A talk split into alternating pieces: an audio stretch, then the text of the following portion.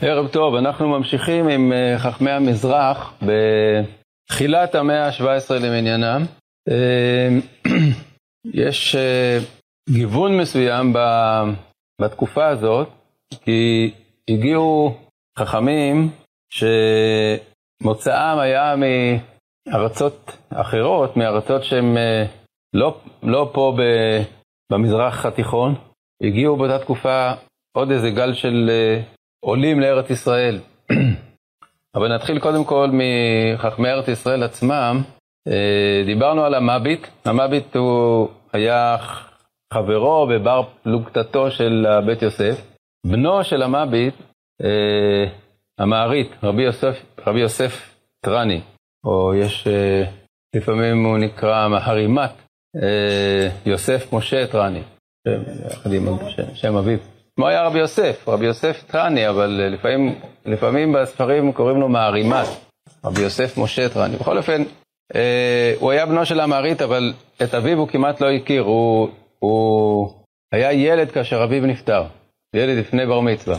והעובדה הזאת גרמה לכך שהוא סבל אה, מאוד בחייו, בתחילת, ב, ב, בתקופת חייו הראשונה. הוא התגלגל ממקום למקום, היה תקופה מסוימת במצרים, אה, תקופה מסוימת בסוריה, ואחר כך בירושלים. פשוט לא מצא את מקומו, כנראה שלא הייתה לו משפחה אה, תומכת, והוא עבר ממקום למקום, אבל הוא היה עם כוחות אישיים גדולים מאוד, והתמיד בתורה, ובסופו של דבר הוא הגיע לטורקיה. הגיע לטורקיה, ושם הכירו את גדולתו, והוא מונה שם אב בית דין לדיין קודם, אחר כך אב בית דין בקושטא, בעיר הבירה, וגם אה, הקים שם ישיבה, או עמד בראש ישיבה קיימת, הוא הפך להיות אחד מהחכמים המפורסמים של הדור. אה, אבל רוב ימיו, היה, כלומר רוב ימיו הבוגרים, הוא היה שם בטורקיה, למרות שהוא יליד צפת. יש לנו מהמערית, אה, קודם כל ספר שו"ת גדול, זה שו"ת מערית, שהוא מובא הרבה מאוד, וסומכים עליו בפוסקים. ולאחרונה, ב... לפני כמה עשרות שנים, הוציאו עוד קובץ של, של אה, שו"ת מערית החדשות, ונוסף עליהם גם אה, חלקים מחיבורים שהוא חיבר, שהם לא אה, נתפסו, ואחד מהם הוא חיבור חשוב על ענייני בית המקדש. הוא כתב חיבור על ענייני בית המקדש כאשר הוא ישב בירושלים. ובין השאר הוא גם מדבר שם על הנושא של הר הבית, וה... כלומר, זה לא בין השאר, זה כאילו, אה, הנושא של, ה, של החיבור הוא כל מה שקשור למבנה המקדש, והוא כתב גם על, על הנושא של הכניסה להר הבית בזמן הזה, על הגבולות. אה, יש לו שיטה מיוחדת בנושא, בנושא המידות של הר הבית, בניגוד לשיטת הרמב"ם וכל האחרונים שהלכו בעקבותיו, יש לו איזו שיטה קצת שונה, ש... במובנים מסוימים זה עוד יותר לקולה מאשר שיטת הרמב"ם בעניינים האלה. בכל אופן, אה, הדבר המעניין הוא שהוא חיבר את הספר הזה, את החיבור הזה בהיותו, בהיותו בירושלים, סמוך למקום המקדש. אז אה, זה, ה, אה, זה המערית. עכשיו, יש ב, באותה תקופה חכמים שמגיעים ממרוקו. אה, אחד מהם הוא רבי אהרון בן חיים, בא מפאס שבמרוקו, אבל הוא לא הגיע ישר לארץ ישראל. הוא אה, היה במרוקו דיין, וכתב ספר גדול של פירוש הספרה, פירוש תורת כהנים בשם קורבן אהרון, ובראשית הספר הוא, הוא כתב חיבור עצמאי על מידות שהתורה נדרשת בהם, שזה אחד החיבורים היחידים בנושא הזה, בשם מידות אהרון. זה נכתב כמבוא לפירוש קורבן אהרון, כי הרי הברייתא דרבי ישמעאל של ה-13 מידות שהתורה נדרשת בהן, היא מופיעה בראש הספרה, בראש תורת כהנים, אז הוא כתב פירוש לברייתא הזאת והרחיב את הדברים, יצא לו חיבור שלם בשם מידות אהרון, ו, אה, ופירוש של הספרה. זה, זה חלק א', זה ספר גדול, ממש ספר אה, חשוב ביותר, פירוש של הספרה שכתב אה, רבי אהרון בן חיים. הוא אה, נסע לאיטליה בשביל להדפיס את הספר. וזו תופעה שהייתה במאה ה-17 וה-18 תופעה קבועה. חכמי ארצות אחרות היו נוסעים לאיטליה בשביל להדפיס את הספרים שלהם, כי במרוקו למשל לא היה בית דפוס. לא היה בית דפוס עברי במרוקו. אז אה, חכמי מרוקו, למשל, אחריו, יותר מאוחר, רבנו חיים בן עטר, האור החיים הקדוש, נסע לאיטליה בשביל להדפיס את הספרים, כי לא היה לו איפה להדפיס אותם. לא היה במרוקו בכלל בתי דפוס עבריים. אני לא יודע אם אה, היו לועזים, אבל עבריים לא היו. והוא נסע לאיטליה, וגם מלאכת ההדפסה באותם הימים, זה לא היה בתוך שבוע. זה היה לוקח זמן.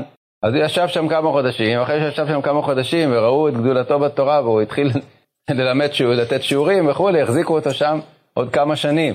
אז הוא כבר נשאר שם לתקופה לא מעטה, אבל בסופו של דבר הוא רצה להגיע לארץ ישראל. גם אותו דבר רבי חיים בן עטר, גם הוא הגיע לאיטליה ואחר כך אה, אמר, אם אני כבר פה אז אני רוצה להגיע לארץ ישראל, יותר, יותר מעניין אותי מאשר להיות באיטליה. וזה מה שהיה גם רבי אהרון, רבי אהרון בן חיים, שהוא בסוף ימיו עלה לארץ ישראל ונפטר בארץ ישראל. אה, חכם אחר שעלה ממרוקו והגיע לארץ ישראל ישירות זה רבי אברהם אזולאי. רבי אברהם אזולאי היה אה, גם הוא מפס והוא היה ממשפחה של גולי ספרד. המשפחה שלו הייתה אה, מקסטיליה, מספרד הצפונית, הם אה, עברו בזמן גלות ספרד למרוקו, ומדובר על 100, 120 שנה, 130 שנה אחרי גירוש ספרד, כבר לא דור ראשון, כבר דור אה, רביעי או חמישי, שישבו שם בפאס. והוא, רבי אברהם אזולאי, אה, החליט לעלות לארץ ישראל. הוא היה בעיקר מקובל, כלומר, כך הוא היה ידוע, הוא היה ידוע בתור מקובל. אבל הוא כתב גם בהלכה, הוא כתב אה, פירוש למשנה בשם אהבה בתענוגים, פירוש למשנה שהדפיסו חלקים ממנו, לא את כולו, זה למשל רק על סדר נזיקין. אה, בנוסף לכך הוא גם כתב, הוא כתב, אה, יש לנו הערות של רבי אברהם אזולאי, רגע אחד אני צריך להיזכר, כתבתי לי את זה, אה, על הלבוש, כן. מהדורה האחרונה של הלבוש שהוציאו בימינו, יש למטה מכתב יד הגאות, כלומר, לא, זה לא הגאות במובן של תיקונים, אלא הערות. של רבי אברהם אזולאי. אה, רבי אברהם אזולאי הוא סבו של החידה, סבו של החידה, והוא ישב בחברון. זה אחד מהדברים שהתחדשו באותם הימים, יישוב בחברון, יישוב יהודי בחברון, והוא היה ממייסדי היישוב שם, ויחד איתו, או לפניו אפילו, היה בעצם מי שנחשב לרבה של חברון, רבי אלעזר בן ארכה. בן ארכה, אה, הוא היה ממוצא לא מרוקאי, רגע, מאיפה הוא היה? אני תכף אגיד לכם. הוא, רבי אלעזר בן ארכה היה ארץ ישראל, היה ישראלי, הוא נולד בצפת. הוא נולד בצפת, והוא אה, עבר לגור בחברון, היה תלמיד חכם אה, חשוב בזמן שלא היו עדיין, לא היה עדיין יישוב רציני שם, והוא התמנה לרבה של חברון באופן רשמי, הוא היה הרב של הקהילה. ולא זו בלבד, אלא שתקופה מסוימת הוא עבר לגור בעזה. גם בעזה היה אז יישוב יהודי, אה, לא גדול, אבל אה, קהילה משמעותית, ורבי אלעזר היה שם תקופה מסוימת אה, בתור רב, אחר כך הוא חזר לחברון. אם הוא הלך לשם בשביל אה, להתנחל או בשביל סיבות אחרות, אני לא יודע, אבל בכל אופן, זאת עובדה שתקופה מסוימת הוא היה בעזה, והיה בעזה, היו בעזה אחריו, בדור שאחריו, עוד חכמים אה, משמעותיים, בין השאר לצערנו חכם משמעותי ש, שקלקל וזה נתן העזתי. מה? את נתן העזתי? אני לא יודע, אני חושב שזה קצת יותר מאוחר נתן העזתי, זה לא בזמן שלהם, אבל אה, נתן העזתי היה, היה תלמיד חכם, הוא לא היה סתם איזה ריק. תלמיד חכם ש, שקלקל, אבל עוד מעט נדבר על... על ההתחלה של, של כל הסיפור הזה, וזה, בשביל זה אנחנו צריכים ל, ל, להמשיך בטורקיה. בטורקיה אמרנו שבעצם זה היה מרכז התורה הגדול אחרי גירוש ספרד של יהדות המזרח, של יהדות uh, ספרד. המרכז העיקרי היה בטורקיה, משם זלגו לארץ ישראל. אבל uh, בטורקיה היו ממש ערים שהיו ערים של תורה וישיבות ובתי מדרשות ודיינים, במיוחד הצטיינו קושטא וסלוניקי. סלוניקי הייתה עיר ואם של המון uh, חכמים. סלוניקי היום היא יוון, אבל היא אז הייתה טורקיה, הייתה שייכת לטורקיה. היא בקצה יוון, בקצה המזרחי של יוון, אה, על יד הים, קרוב, ל, קרוב לטורקיה, ובזמנו היא הייתה שייכת לטורקיה. אז אה, שם בסלוניקי, בסלוניקי היה אה, חכם גדול בשם רבי חיים שבתאי, המהרחש. רבי חיים שבתאי היה דיין ונחשב בעצם לרב העיר סלוניקי. יש לו ספר שאלות ותשובות אחד הכי חשובים של תקופת האחרונים, שו"ת מהרחש זה נקרא. ב, ב, במסורת של האשכנזים הוא לא היה כל כך ידוע, אבל אתם יודעים שרבי עקיבא איגר, היה לו חיבה מיוחדת לשו"תים של הספרדים. רבי עקיבא איגר בגיליון הש"ס מביא המון פעמים לעיין בשו"ת זה, בשו"ת זה, בשו"ת זה, שמות שכאילו לא מכירים אותם, זה היו ש, שמות של שו"תים של, ספרד, של חכמים ספרדים, שהוא למד אותם. ו... אחד מהם זה שו"ת מהרחש, רבי חיים שבתאי. שו"ת גדול, בארבעה חלקים הוציאו אותו. אה, בעיר אחרת בטורקיה, פחות גדולה, איזמיר, היה חכם אה, בשם רבי יוסף איסקפה. רבי יוסף איסקפה כתב אה, פירוש על הטור בשם ראש יוסף, פירוש גדול על הטור, וגם עוד חיבורים, על מסכתות, לא כל החיבורים שלו נמצאים, אבל חלק גדול מהפירוש של הטור נתפס. הוא היה הרב והחכם באזמיר, והייתה לו ישיבה גדולה שם, ואחד מתלמידיו זה משיח השקר, שבתאי צבי. הוא היה תלמיד בישיבה, ושם הוא קנה את, ה... את הידע שלו גם, ב... גם ב... בתורה בניגלה וגם בקבלה. הוא התחיל אה, עם השיגונות שלו, אז הרב הזה שלו, רבי יוסף איסקפה, התרה בו, שאם הוא יעשה, ידבר שטויות, הוא התחיל לדבר על, על התגלות המשיח וכדומה, הוא ינדה אותו, והוא באמת אה, גירש אותו מהעיר. אמר לו שהוא צריך להסתלק מהעיר, ואכן הוא עזב את המקום והתחיל לנדוד, והתחיל להגיע לארץ ישראל ומקומות אה, נוספים, כלומר, היה בהרבה מקומות בדרך. ואז הוא נפגש, בעזה הוא נפגש עם הנתן העזתי הזה, והתחילו ביחד, שכנע, שכנע, אחד שכנע את השני על העניין של המשיחיות, והם אה, גרמו לבעיה חמורה ביותר במשך אה, תקופה לא קצרה בעם ישראל.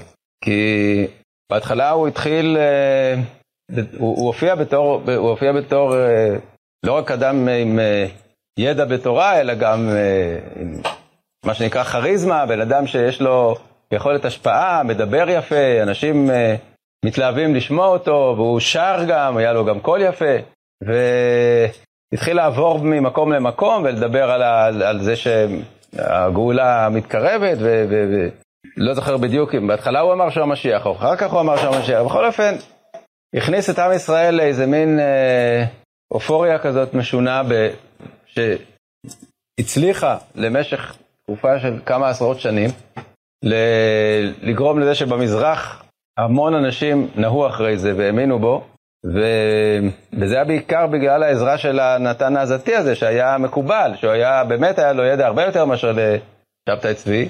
הוא התחיל לכתוב כל מיני דרוש, דרושים, כל מיני פירושים, להגיד למה זה נכון ולמה עכשיו כך ולמה... כל מיני אה, אה, עיסוקים בנסתרות ש... כבשו את אה, לב ההמון במיוחד, אבל גם תלמידי חכמים, גם תלמידי חכמים התחילו להאמין בדבר הזה, וזה גם הגיע לאירופה, כי באירופה שמעו שיש איזו התעוררות כזאת, ו... והתחילו להתעניין בזה. אחרי לא מעט זמן, כלומר זה לא היה עניין של אה, מיד זה התגלה, אלא אחרי כמה עשרות שנים מאז שהוא התחיל את הפעילות הזאת, אז uh, התברר שהבן אדם אה, הוא פשוט אה, מטורף, הוא פשוט חולה נפש. והתחיל להתגלגל בכל מיני שטויות, כל מיני דברים שהסתיימו בסוף בזה שהוא המיר את דתו. אמנם המרת הדת הייתה כאילו בכפייה על ידי הסולטן, אבל אה, בסופו של דבר הוא המשיך בזה עד יום מותו, הוא היה מוסלמי. והחוקרים היום אומרים שזה ברור שהוא היה חולה נפש במובן הקליני, כלומר, יש כל מיני תיאורים שהוא, שהוא מתאר, שיש לו תקופות של דיכאון ותקופות של הערה, בקיצור, איזו מחלה כזאת של מחלת נפש של, של אדם לא בריא, לא בריא בנפשו, והוא הצליח, ל, הצליח ל, למשוך אחריו אנשים, והצליח לבלבל את הציבור במשך תקופה ארוכה, עד כדי שגם אחרי שהוא התאסלם, אז הייתה, טוב, אז כבר כמובן שרוב ה, רוב העם מבין שהוא, אה, שזה לא, לא נורמלי ושזה משהו אה, הזוי, כל הדבר הזה, אבל עדיין היו אה, לא מעטים ש... המשיכו עוד להאמין בזה, המשיכו להאמין שהוא היה צריך להתאסלם בשביל, בשביל להעלות את הניצוצות, אני לא יודע מה, איזה כל מיני תיאוריות משוגעות. ובסופו של דבר נשארה כת שלמה של יהודים בטורקיה, ששם זה היה, סוף ימיו הוא היה בטורקיה, בבלקן, כת שלמה של יהודים שהמשיכה להאמין בו.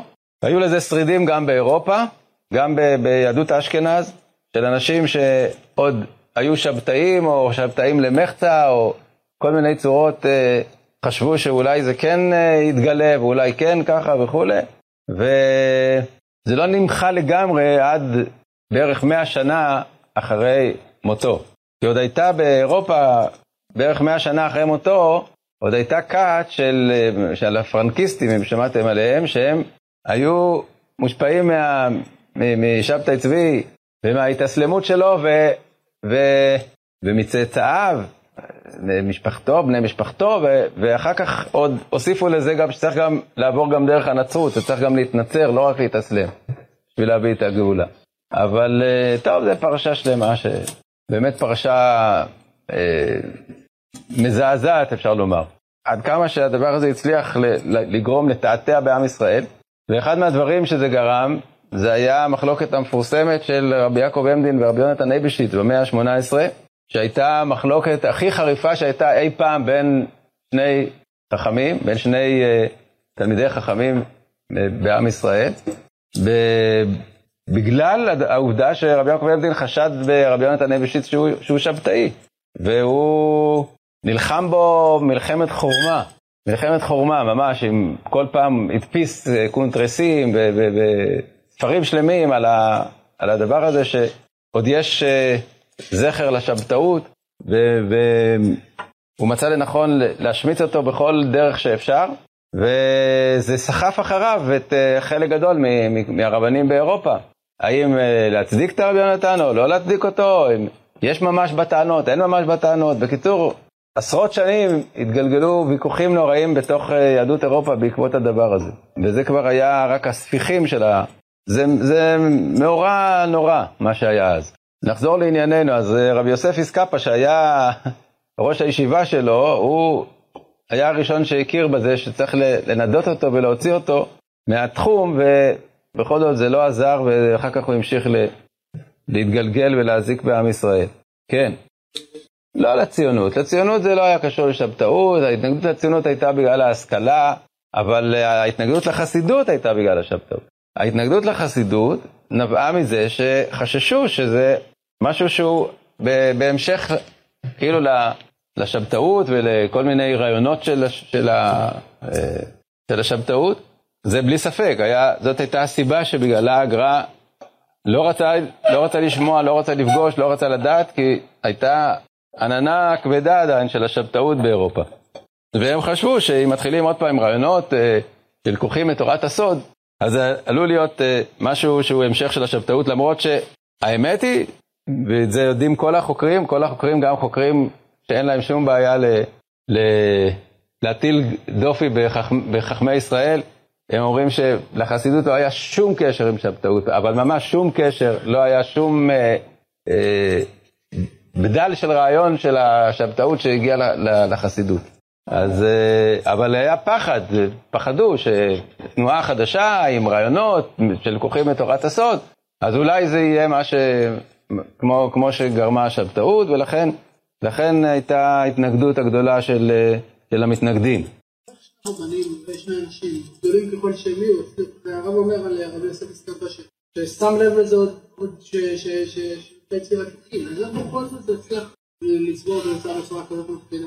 איך הוא הצליח? זה, אמרתי, היה לו...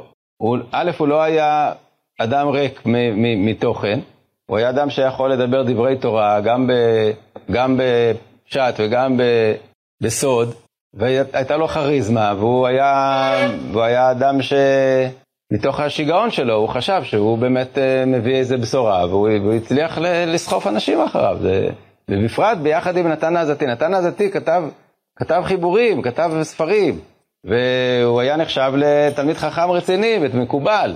והוא נמשך אחריו כמו עיוור, והמשיך, ל...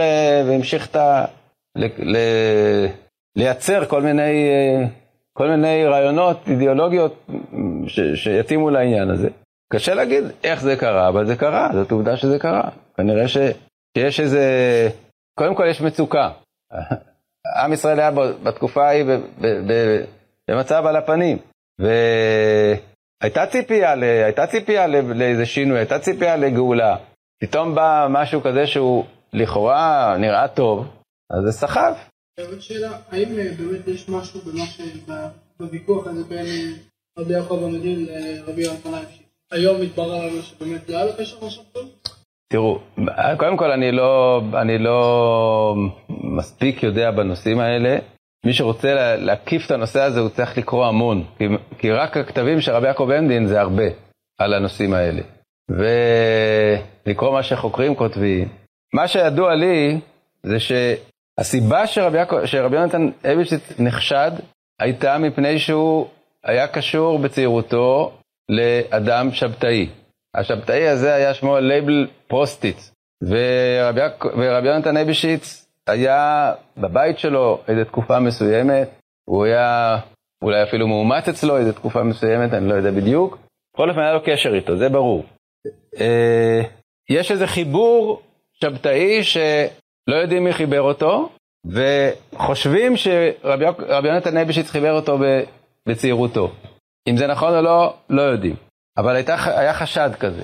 כשהתחילה המחלוקת, רבי יונתן אבישיץ נשבע הוא היה, רבי יונתן היה גאון עצום וראש ישיבה גדולה. הוא נשבע בפעם, נדמה לי שנשבע פעם אחת בליל יום כיפור בפני הקהל, בגלל החשדות שהיו, בגלל המלחמה של רבי, רבי, רבי עמדין בו. הוא נשבע פעם אחת בליל יום כיפור לפני כל הקהל שהוא לא שבתאי ואין לו שום קשר עם שבתאות. כיוון שרבי יונתן אבישיץ היה בשבילנו אחד מגדולי ישראל, שהספרים שלו נלמדים ונפסקים וכדומה, ואין לנו שום מידע אמין שהוא באמת היה קשור לשבתאות, חוץ מאשר ההיסטוריה הזאת שהוא בילדותו היה, היה לו איזשהו קשר עם, ה, עם האדם הזה, ואחרי שהוא נשבע שהוא לא שבתאי, אז uh, אין לנו שום סיבה לחשוד בו. אני, אני שמעתי פעם מהרב ציודה במו פיו, שהוא אמר שוודאי שהקנאות הזו של רבי יעקב עמדין היא לא הייתה במקומה. רבי יונתן אבישיץ היה נקי, ו... והקנאות הזאת לא הייתה במקומה, ו... אה, וזהו, מבחינת, ה... מבחינת עם ישראל, רבי יונתן אבישיץ הוא אחד מגדולי ישראל ואין עליו שום ערעור, כי אין שום דבר מוכח. מה שרבי, מה שרבי יעקב עמדין טען, הוא טען שהוא כתב פעם קמעות, ובקמעות האלה כאילו היה איזה רמז לשבתאות, אבל פתחו את הקמעות וקראו את הקמעות ואמרו שזה לא, שזה לא נכון. והוא נשבע שזה לא נכון, ואין שום חיבור שהוא כתב שהוא ידוע שהוא שלו באמת, שהוא שבתאי, אז ממילא מעמידים אותו כמובן על חזקתו, שזה לא נכון. הסיבה אבל, הייתה סיבה, הסיבה, ש, הסיבה שבגללה חשדו בו, זה מה שאמרתי. היה לו קשר בילדותו, סיבות אה, משפחתיות, היסטוריות, הוא גר ב, ב, בעיר הזאת של אותו השבתאי, ש... אה, אה, ש... היה לו קשר איתו בתקופה מסוימת, ובגלל זה חשדו בו שהוא ממשיך בזה, וכפי שאמרתי, היה גם איזה חיבור, יש איזה חיבור, נקרא באבוא אל העין. חיבור שאנונימי, שלא יודעים מי חיבר אותו, שהוא חיבור שבתאי. וחשבו שרבי יונתן אבישיץ חיבר אותו, אבל הוא הכחיש את זה. הוא הכחיש את זה ואמר שזה לא נכון. אבל בסך הכל הפרשה הזאת היא פרשה, אמרתי, זה, אנחנו יודעים אפס קצהו של מה שהלך שם. זה לא מדובר על שנה או שנתיים, מדובר על תקופה של מאה שנה, שכל עם ישראל היה מטורטר עם הנושא הזה.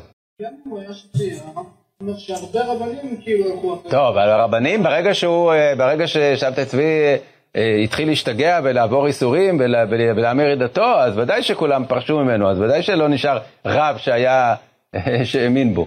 מה, ש, מה שהאמינו בו זה היה בהתחלה, כשהוא, כשהוא הגיע, כשהוא התחיל את המסע שלו, כשהוא הגיע לארץ ישראל, לירושלים, אז היו רבנים שחשבו, כן, שהוא באמת... אה, מה הייתה הטענה של רבי יעקב ארמין? שבעצם למרות שהוא כבר מת והשתגע וכולי, אז אה, רבי יונתן אלשיץ ממשיך את הדרך הזאת? כן, כן.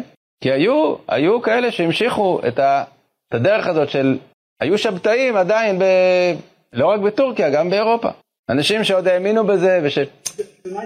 זה סיפור, זה סיפור מסובך. היה ל, ל, לאשתו האחרונה של שבתאי צבי, היו לו כמה נשים במשך חייו, זה גם אחד, מה, גם אחד מהקטעים שהוא הוא כל פעם התחתן עם איזו אישה אחרת, כנראה שהוא, היו לו גם בעיות בתחום הזה, לא משנה, בכל אופן, ב, האישה האחרונה ש, שהוא התחתן איתה, נשארה אחרי מותו, מאמינה בו, שאחרי שהוא היה מוסלמי, מאמינה בו שזה המשיח, ו, ויש סיפור שהיא אה, הרתה מאחיה, גילוי עריות, הרתה מאחיה ונולד לה, להם בן. זה לא סיפור אגדות, זה מציאות היסטורית, זה הכל אה, מתועד.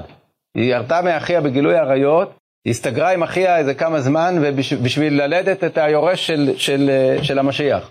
ואז היא נולד בן ממזר, שהממזר הזה ידוע השם שלו, והוא אה, המשיך את, ה, את הקו של, של ה... כן, וזה, יש, היה נשיא, נשיא מדינת ישראל, יצחק בן צבי, שהוא חקר את הקהילות במזרח, זה היה התחביב שלו, לחקור את, את uh, קהילות ישראל במזרח. אז הוא היה בטורקיה וידע טורקית, למרות שהוא היה אשכנזי, אבל הוא ידע טורקית. והוא חקר את uh, קהילת הדונמה, זה, דונמה זה שרידי השבתאים. עד היום עוד יש דונמה בטורקיה, עד היום. יש איזה כת של יהודים שם, שהם ערבים, כלומר הם מוסלמים, אבל הם יהודים, והם מאמיני שבתאי צבי, הם לא במיוחד uh, מבינים מה, במה הם מאמינים, מה הם לא מאמינים, זה אנשים פשוטים מאוד, אבל הם עדיין נקראים, הכת הדונמה, בטורקיה עד היום הזה. בכל אופן, יצחק בן צבי זה לפני כמה עשרות שנים, הוא נפגש איתם וחקר אותם וכתב עליהם. ובאירופה זה היה, לא היה כת, אבל היו בודדים כאלה שעוד המשיכו את, ה... המשיכו את, ה... את הדברים האלה, ו... ואחר כך זה התגלגל לפרנקיסטים. הפרנקיסטים, פרנק עצמו, יימח שמו וזכרו, צריך להגיד את זה גם על שבתאי צבי כמובן, פרנק הזה זה היה איש מתועב לחלוטין בכל, בכל קנה מידה. הוא אמר שהוא מתיר את כל האיסורים. אם שבתאי צבי עוד, עוד דיבר גם על מצוות וגם על, וגם על זה שצריך לשנות מצוות או לבטל מצוות, הוא אמר שהוא בא להתיר את כל האיסורים. ו... והוא נסע לטורקיה בשביל ללמוד מהכת של שבתאי צבי. חזר עם זה לפולין, הוא היה מפולין. והוא הקים שם כת משלו, של אנשים, כאילו, מה ש... בעצם, בעצם זה אנשים חילונים, מה שנקרא. כלומר, זה אנשים שהם כבר לא היו דתיים גם בלי זה. אז הוא, הם, הם התלקטו אליו, והוא יצר גם כן איזה מין כת כזאת של... עם, עם, עם השפעה מיוחדת, ובסופו של דבר הם התנצרו כולם ביחד. אבל זהו, בזה זה נגמר. בסוף המאה ה-18 הסיפור הזה נגמר באירופה. טוב, חרגנו לגמרי מהעניין, אבל uh, חשוב לדעת גם את הדברים האלה. עוד אחד שאנחנו צריכים לדבר עליו, עוד חכם אחד, uh, הוא מדמשק, והשם שלו עכשיו יצחיק אתכם, כי שמו הוא רבי יאשיהו פינטו. אז הרב פינטו דהיום, כן, הם, אני חושב שהם מתייחסים למשפחה הזאת. בכל אופן, רבי יאשיהו פינטו היה אה, מהמוסמכים של סמיכת רב, רבי יעקב ברב, כלומר לא על ידי רבי יעקב ברב הראשון, אלא על ידי נכדו. נכדו של מערי ברב שחידש את הסמיכה, דיברנו עליו בפעם הקודמת, רבי יעקב ברב השני, סמך כמה חכמים, ביניהם את רבי יאשיהו פינטו שהיה אה, רב של דמשק, הוא נסמך, כלומר שהיה גדול בישראל, ואם אתם רוצים לראות את שמו, אה, במקום שלא ת, תזהו שזה הוא, תפתחו עין יעקב, ספר עין יעקב על האגדות הש"ס, יש שם ריף, זה לא הריף, זה לא רבי, רבי יצחק אלפסי, זה רבי יאשיהו פינטו, הוא, הוא כתב פירושים לאגדות, וזה נכנס לעין יעקב, והוא היה גם גדול בהלכה, ויש ספר שו"ת שלו, נבחר מכסף, של רבי יאשיהו פינטו. אז uh, בסך הכל אנחנו רואים שבדור הזה היו בכל המזרח התיכון, טורקיה, סוריה, ארץ ישראל, מצרים, היו uh, חכמים גדולים, ובעזרת uh, השם בפעם הבאה אנחנו נחזור לאשכנז, לדורות של אחרי הרמה.